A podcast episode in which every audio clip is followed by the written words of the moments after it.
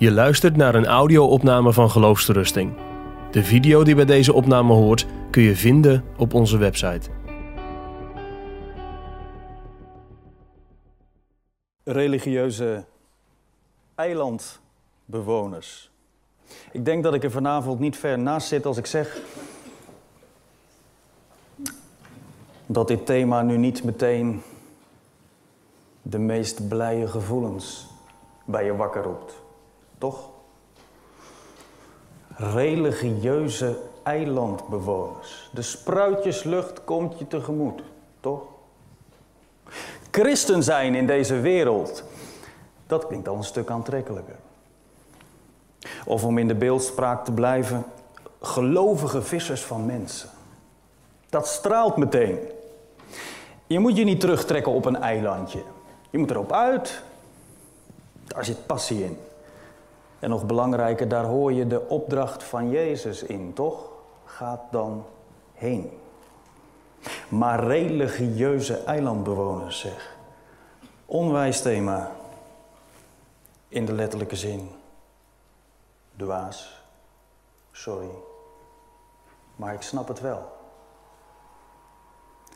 Ik snap het heel goed. Jij niet? Wat jij daar wil met dit thema.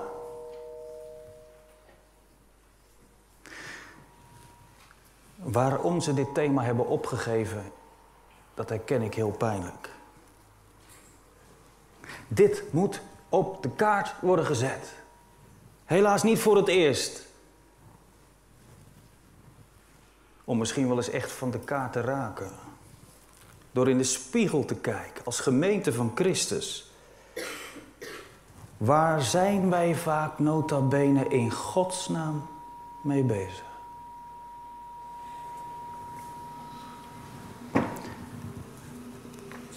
Mag ik een paar vragen stellen? Hoeveel christenen hebben zich niet teruggetrokken op een eilandje vol allerlei menselijke, onnavolgbare en onmogelijke ingewikkelde codes en regels die niets meer te maken hebben met de bergreden van de Heer Jezus?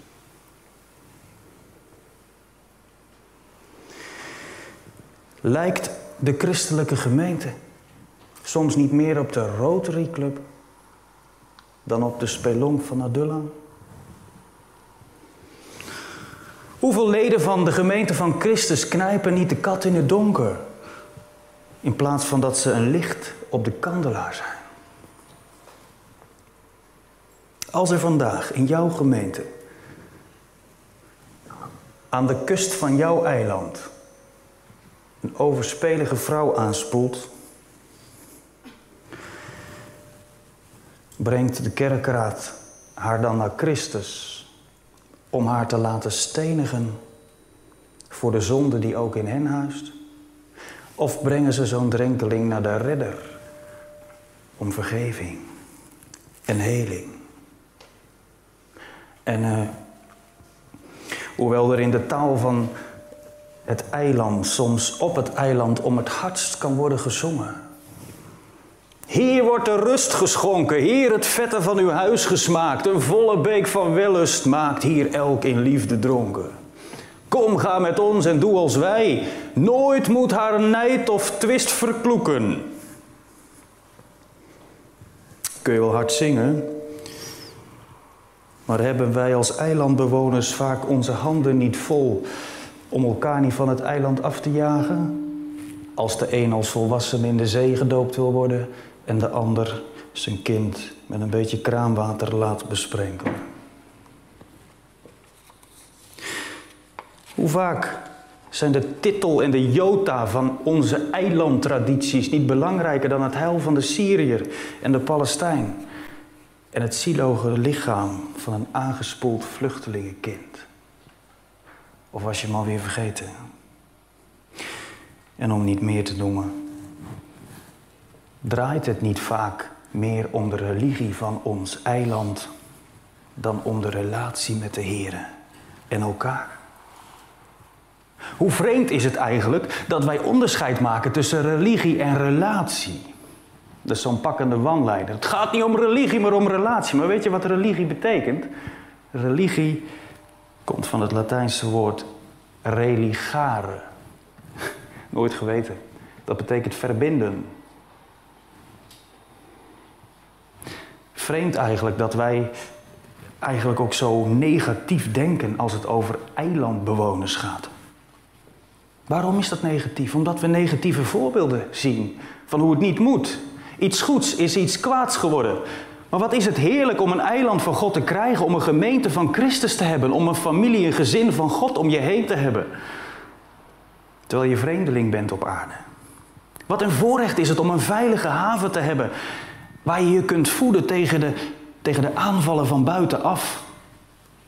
Wat een zegen om de gemeenschap van de heiligen te ervaren.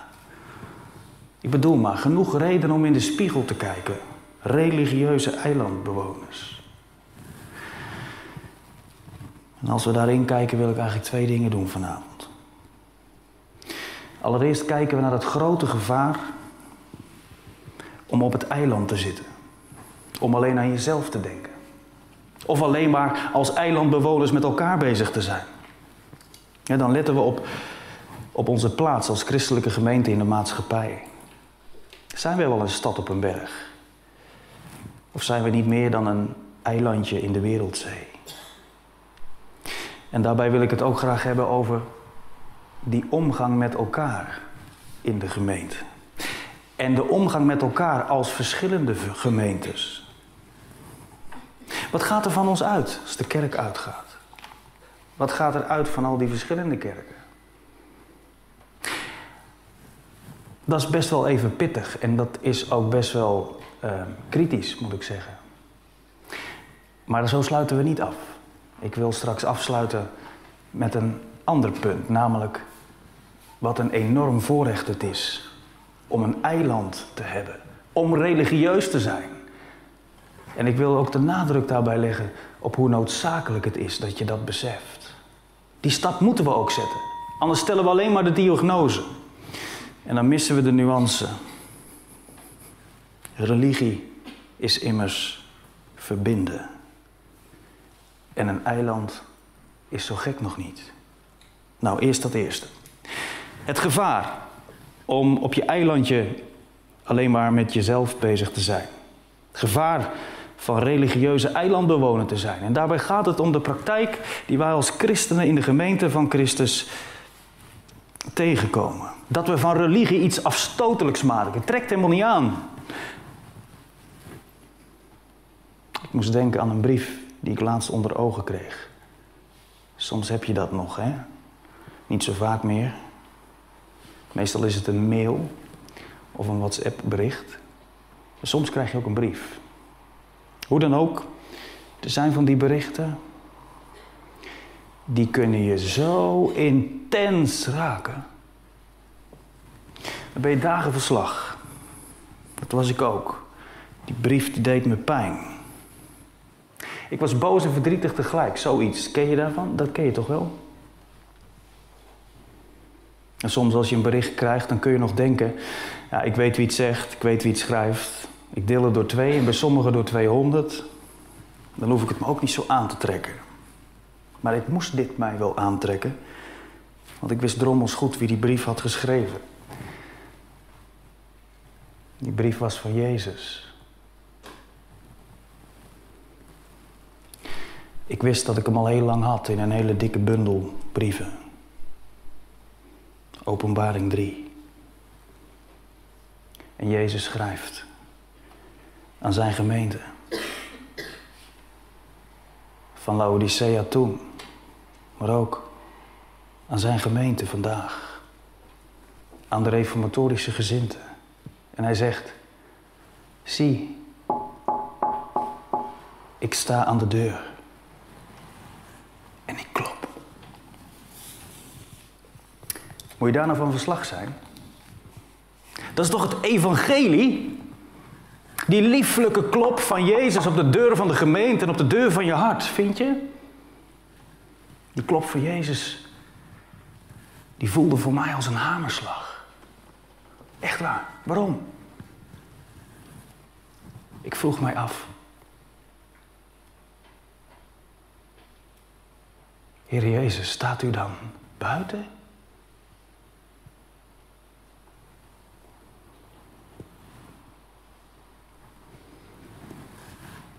Ik weet uw werken, schrijft hij.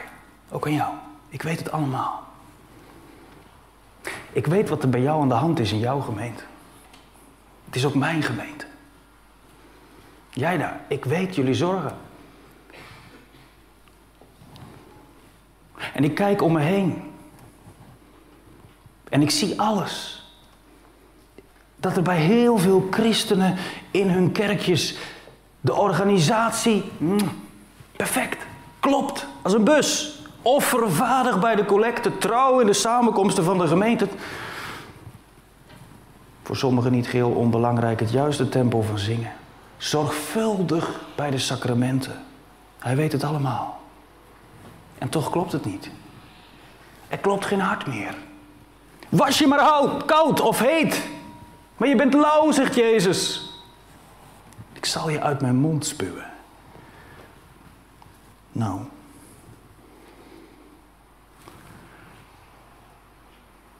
Ik wil vanavond aan je vragen of je eerlijk wilt zijn.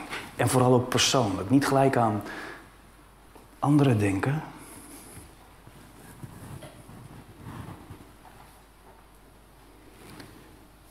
Maar hij weet ook jouw werken. Jezus. Heb je met hem aan tafel gezeten? Nee, in Openbaring 3 gaat dat niet eens per se over het heilig avondmaal. Maar het is het beeld vanuit het Oude Oosten van gemeenschap, vertrouwelijkheid, intimiteit, verbinding, religie in de zuiverste zin van het woord. Geen lesje, maar beleving.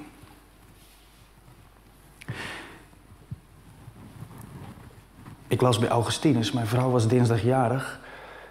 En ik kreeg een boekje van Augustinus, van iemand. Uh, die is voorlopig even van mij. En uh, daar las ik iets heel moois in. Zoveel eeuwen terug schrijft hij. Mijn Jezus verwaardigde gezicht. Ja, het is wel wat eeuwen terug. Mijn Jezus verwaardigde zich mijn gast te zijn. Niet omdat hij iets van mij nodig had toen hij aan mijn hart klopte,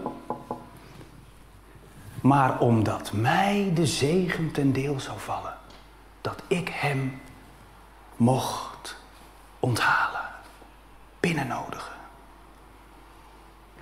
En toen ik dat zag en hem binnenliet, bleek de gast de gastheer te worden. En hij voedde mij. En hij verzorgde mij. En in dat alles zag ik in hem een vriend.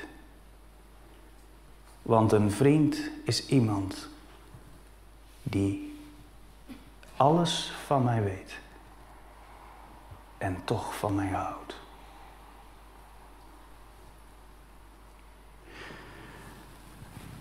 Weet je, als je dat in je eigen woorden zou kunnen nazeggen. En zoiets als zo concreet dat je met Jezus aan tafel zat, op je kamer, in je huis, in zijn ogen keek en die innerlijke ontferming van Hem voor jou zag. Dat verdient toch navolging? Is dat een plicht? Of is dat je verlangen? Dat wordt toch zichtbaar dan als je Jezus volgt? Dan moet je dat eilandje wel af.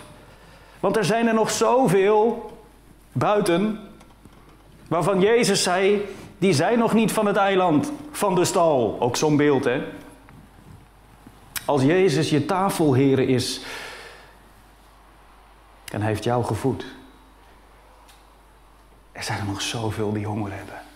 Vrienden. Nee. Ze weten het niet. Wist jij het? Totdat je zag wat je miste. Er zijn er zoveel die honger hebben.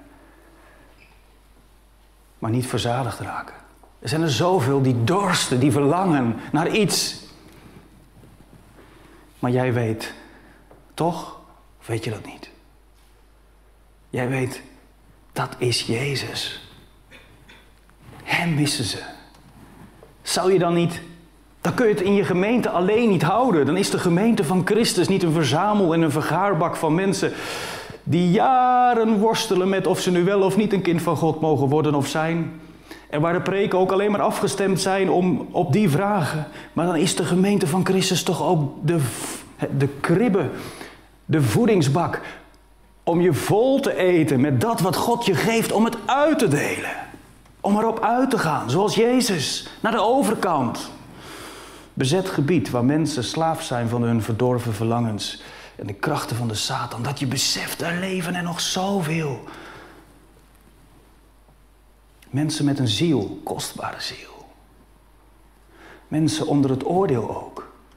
Onder dat oordeel dat alleen door Christus kan worden afgewend. Mensen met littekens, geboeid door het kwaad. Mensen zoals jij, zoals jij was en was gebleven als Jezus niet had geklopt en jij de deur niet had opengedaan. Mensen die smeken om leiding, al trappen ze van zich af en zeggen ze: Ik geloof nergens meer in. En al helemaal niet in de religie van een eiland. Dat je zegt: Ik heb zoveel meer. Ik heb zoveel beters te vertellen. Ja, zegt iemand, maar als je dan van dat eiland afgaat, als je dan datgene wat je in de gemeente van Christus mag ontvangen met elkaar vanuit het woord en door het gebed, hoe doe je dat dan?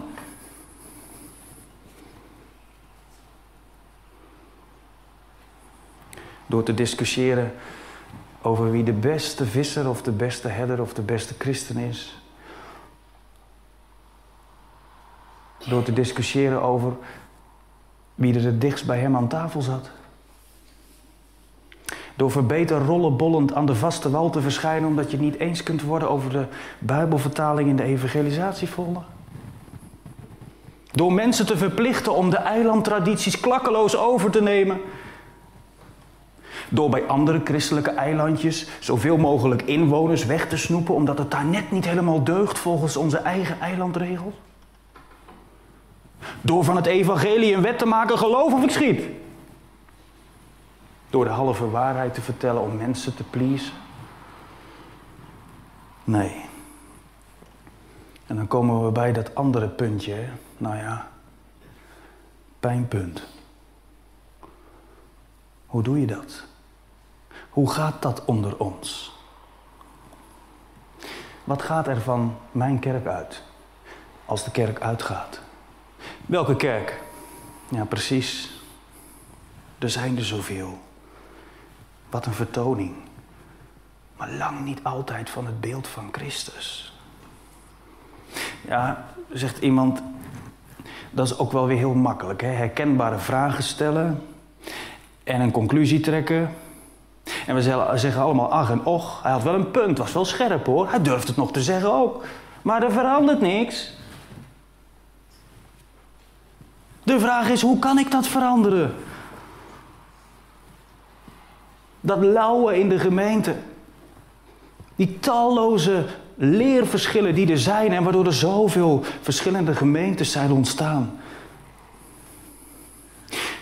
Pas zei iemand, daar zul je dan echt toch mee moeten leren leven het beste ervan moeten maken. En dat vrees ik ook, ja.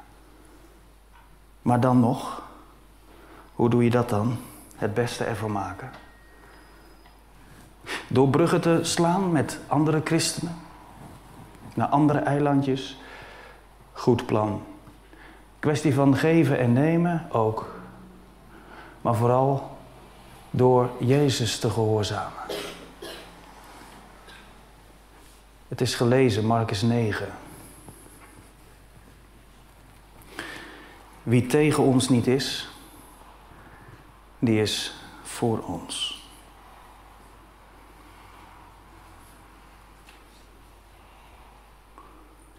Als je goed beschouwt wat Jezus hier doet, wordt het ineens zo spannend in de kerk, in onze gezinten.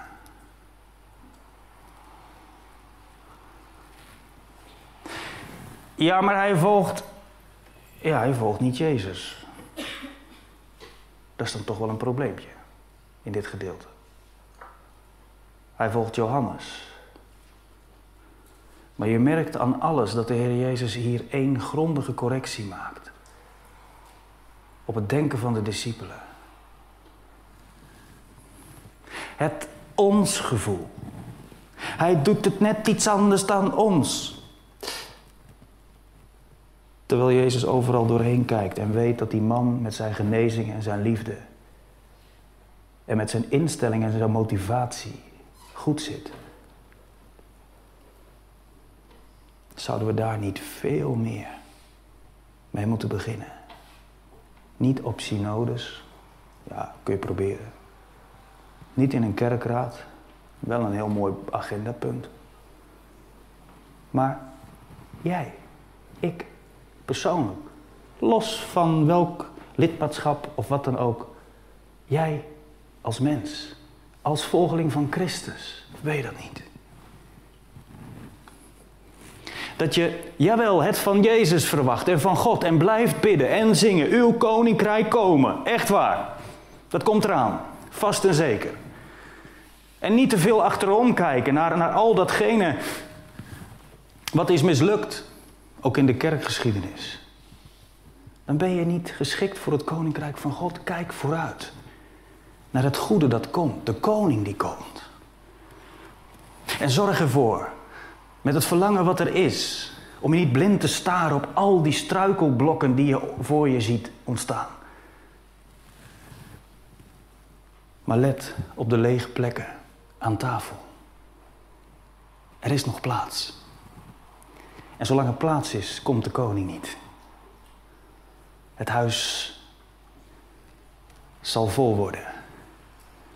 Het eiland gevuld. Het koninkrijk af, dan komt Hij. Dat het te midden van al die verdeeldheid niet je zorg alleen maar blijft. Hoe komt dat toch ooit goed? Begin zelf met het goede te doen. En wat is dat dan? Lees de bergreden, vrienden. En dan moet je niet stoppen bij de laatste zaligspreking. Maar doorlezen. Die bergreden die Jezus niet sprak om maar vooral op die berg uit te proberen wat hij had gezegd. Om er op die berg over in discussie te gaan. Nee, die bergreden die Jezus sprak tot zijn discipelen om er de berg mee af te kunnen de wereld in. Zal ik een paar dingen noemen. De beste evangelisatiemethode is niet een trucendoos met tips voor spreekvaardigheid. De beste evangelisatiemethode is te laten zien wat Jezus je heeft geleerd. Laat je licht al zo schijnen. Matthäus 5. Laat je licht al zo schijnen voor de mensen. Dat zij uw goede werken mogen zien. Dan zal de Vader die in de hemel is jou verheerlijken. Nou, als de Vader je verheerlijkt, kijkt niemand meer om je heen. En wat ze in jou zien, is van God. Jezus zei, je hebt het toch gehoord dat er is gezegd. Oog om oog, tand om tand. Ik zeg wat anders. Zo iemand je de rechtere wang slaat, keer hem ook de andere toe. Als iemand met je rechter wil en jouw rok wil nemen, geef hem ook de mantel maar. Als iemand jou dwingt om één mijl met hem te gaan, moet je niet zeggen een half is ook genoeg. Ga met hem twee mijlen. Geef degene die iets van jou eist, iets van jou verlangt, bid. Geef het. Keer je niet af van degene die iets van je wil lenen. Je hebt toch gehoord dat er gezegd is: je zult je naaste lief hebben en je vijand zul je haten? Maar ik zeg u: heb je vijanden lief. Zegen degene die jou vervloeken. Doe goed aan degene die jou haten. Bid voor degene die je geweld doen. Opdat je kinderen mag zijn van Vader die in de hemel is. Want als je lief hebt die jou lief hebben, Wat voor verschil is er dan met de tollenaars? Doen die niet hetzelfde? Dat is betaalde liefde. Als jij dit voor mij doet, ben ik lief voor jou. Vrienden, als je Jezus echt hebt gehoord op het eiland. Als Hij tot je heeft gesproken door zijn woord. Als zijn geest in je woont. Als je echt hebt begrepen wat Hij heeft gezegd, ga je het ook doen. Vind ik zo mooi. Weer Augustinus. Ander boekje. Ga dan heen. Verkondig het evangelie. En als het echt nodig is, gebruik dan woorden. We hebben gelezen, Lucas 10, gedeelte van Martha en Maria. Maar in datzelfde gedeelte geeft de Heer Jezus ook instructies. Hoe ga je dat evangelie nou brengen? Als een lam tussen de wolven. Oeh. Met het zwaard? Nee. Als je bij een huis binnenkomt, zeg je: Gezegend zij dit huis. Ga met ze aan tafel. Eet wat je wordt voorgezet. Heb aandacht voor de zieken. Genezen. En uh, begin dan over het koninkrijk van God. Is dat niet waar het bij ons aan ontbreekt? Dat wij, als wij het eiland al afgaan, wij vaak mensen tot onze discipelen willen maken. Die bij onze verbondsvisie zich aansluiten. Om maar iets te noemen. Niet doen. Luister naar Jezus. Dat is het eerste wat ik vanavond uh, wilde meegeven, bedankt. Als ik de bergreden van Jezus nog moet gaan aanvullen, dat getuigt niet van bescheidenheid. Zo duidelijk, hè? zo praktisch ook. Zo dat we bijna zeggen, hij is toch oppervlakkig. Dat is gewoon een kwestie van humaan zijn. Ja. Maar wie Jezus heeft gekend, zal beseffen dat hij dat ook echt is. Het tweede wat we zouden doen is om nog kort met elkaar stil te staan bij de zegen die het is om op een eilandje te zitten. want er zijn heel veel terechte vragen over te stellen. Dat heb ik gedaan. En, en religie ook. Dat kan zomaar een dors systeem zijn zonder leven. Maar er zijn ook terechte vragen te stellen bij, bij het gemak waarmee wij soms de gemeente verlaten. Wat bedoel ik daarmee? Dat je beseft hoe noodzakelijk het is dat je een veilig eiland hebt. Als de gemeente van Christus je thuis is, waar je opnieuw geboren bent. Dan ga je naar buiten, zeker als getuige van Christus. Je moet naar buiten zelfs, ja. Maar vergeet niet dat buiten niet langer meer je thuis is. Dat je een vreemdeling bent. Omdat Christus je bruidegom is, kun je niet meer getrouwd zijn met die wereld. Nee, natuurlijk niet, zegt iemand. Dat snap ik ook wel. Ja? Je bent niet meer van de wereld, maar wel in de wereld. Komt ons dat nou weer net iets, niet iets te makkelijk over de lippen? Ik zeg het maar eerlijk. Soms zie ik dat wel gebeuren bij christenen. Als een kind in de snoepwinkel. Hele mond onder de chemische smaakstoffen, zeg maar. De hand in de pot. Ik zeg altijd maar zo. Niet van de snoepwinkel, maar wel in de snoepwinkel. De Bijbel waarschuwt ons ervoor dat ons hart arglistig is. En zo'n tekst als beproeft alle dingen en behoudt het goede. Is die bij ons niet precies andersom gaan functioneren? In de negatieve zin. Dat je er weer smaak in krijgt. Hè? Zoals iemand die gestopt is met roken het niet moet proberen. Als je echt verslaafd bent geweest, om het nog eens één keertje te proberen, dan ga je weer. Paulus zegt tegen de gelovigen in de gemeente van Korinthe, als hij bij het heilige avondmaal is aangekomen om dat te bespreken. Als hij het notabene heeft over die intieme tafelgemeenschap, die je in de wereld echt niet vindt. Met alle liefde die je hebt tot mensen die Christus niet kennen. Die gemeenschap heb je niet met hen. Daar zijn ze vreemd aan. En daarom zijn ze je ook niet helemaal van harte eigen. Paulus die zegt, doe het meest wel aan de huisgenoten van God. Dan zegt Paulus, broeders, let op de gelovigen alle eeuwen door. Hoeveel zijn er niet gestruikeld die de onderlinge bijeenkomsten zijn gaan nalaten? Hoeveel zijn er niet gestruikeld die dachten, ik red het wel daarbuiten? Hoeveel evangelisten, hoeveel christenen zijn ten diepste niet gevallen? Je wilde de anderen helpen. En toen bleek dat je zelf hulpeloos was en meedeed. Wie meent te staan, ziet toe dat hij niet vallen, zegt Paulus. En hij zegt er direct achteraan: vlucht voor de afgodendienst. Dat bedoel ik. Wees voorzichtig als je naar buiten gaat. Ik begrijp het ook wel weer, toch? Nee, niet om moralistisch te worden en om de verzuiling maar weer enzovoort uh, te proclameren en om te zeggen van als we onszelf beschermen, dan komt het wel goed. Nee, niet, niet, niet, niet dat. Maar wel het diepe besef, wat een geschenk dat wij de gemeente van Christus hebben gekregen. Als een veilige haven om je terug te trekken. Een zegen ook als je in zonde gevallen bent, dat er een broeder is die gelaten 6 niet alleen heeft gelezen, maar in de praktijk brengt. En jouw last mee naar God draagt.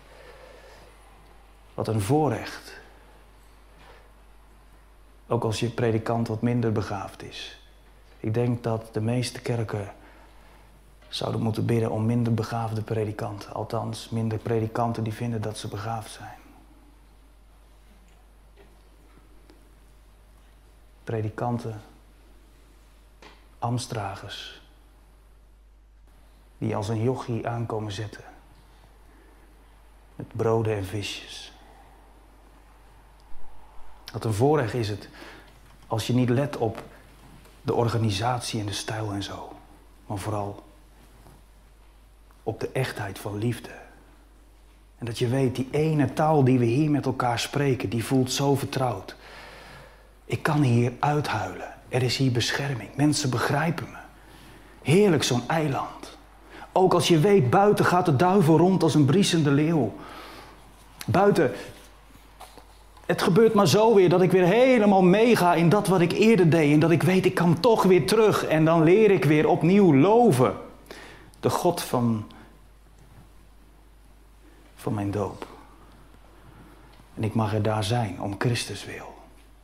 Ook dat wil ik je meegeven. Hoe dan ook, niet te benauwd doen over een eiland. Gods geschenk is dat, heerlijk. Niet te moeilijk doen over religieus zijn. Echte religie is verbinding. En dan kun je zingen. Oprecht. Nee, niet als je achterom kijkt wat wij ervan hebben gemaakt in de kerk. Maar wel als je vooruit kijkt wat Jezus gaat doen als hij komt op aarde. En het koninkrijk gekomen is met de koning. Heer, wat een voorrecht.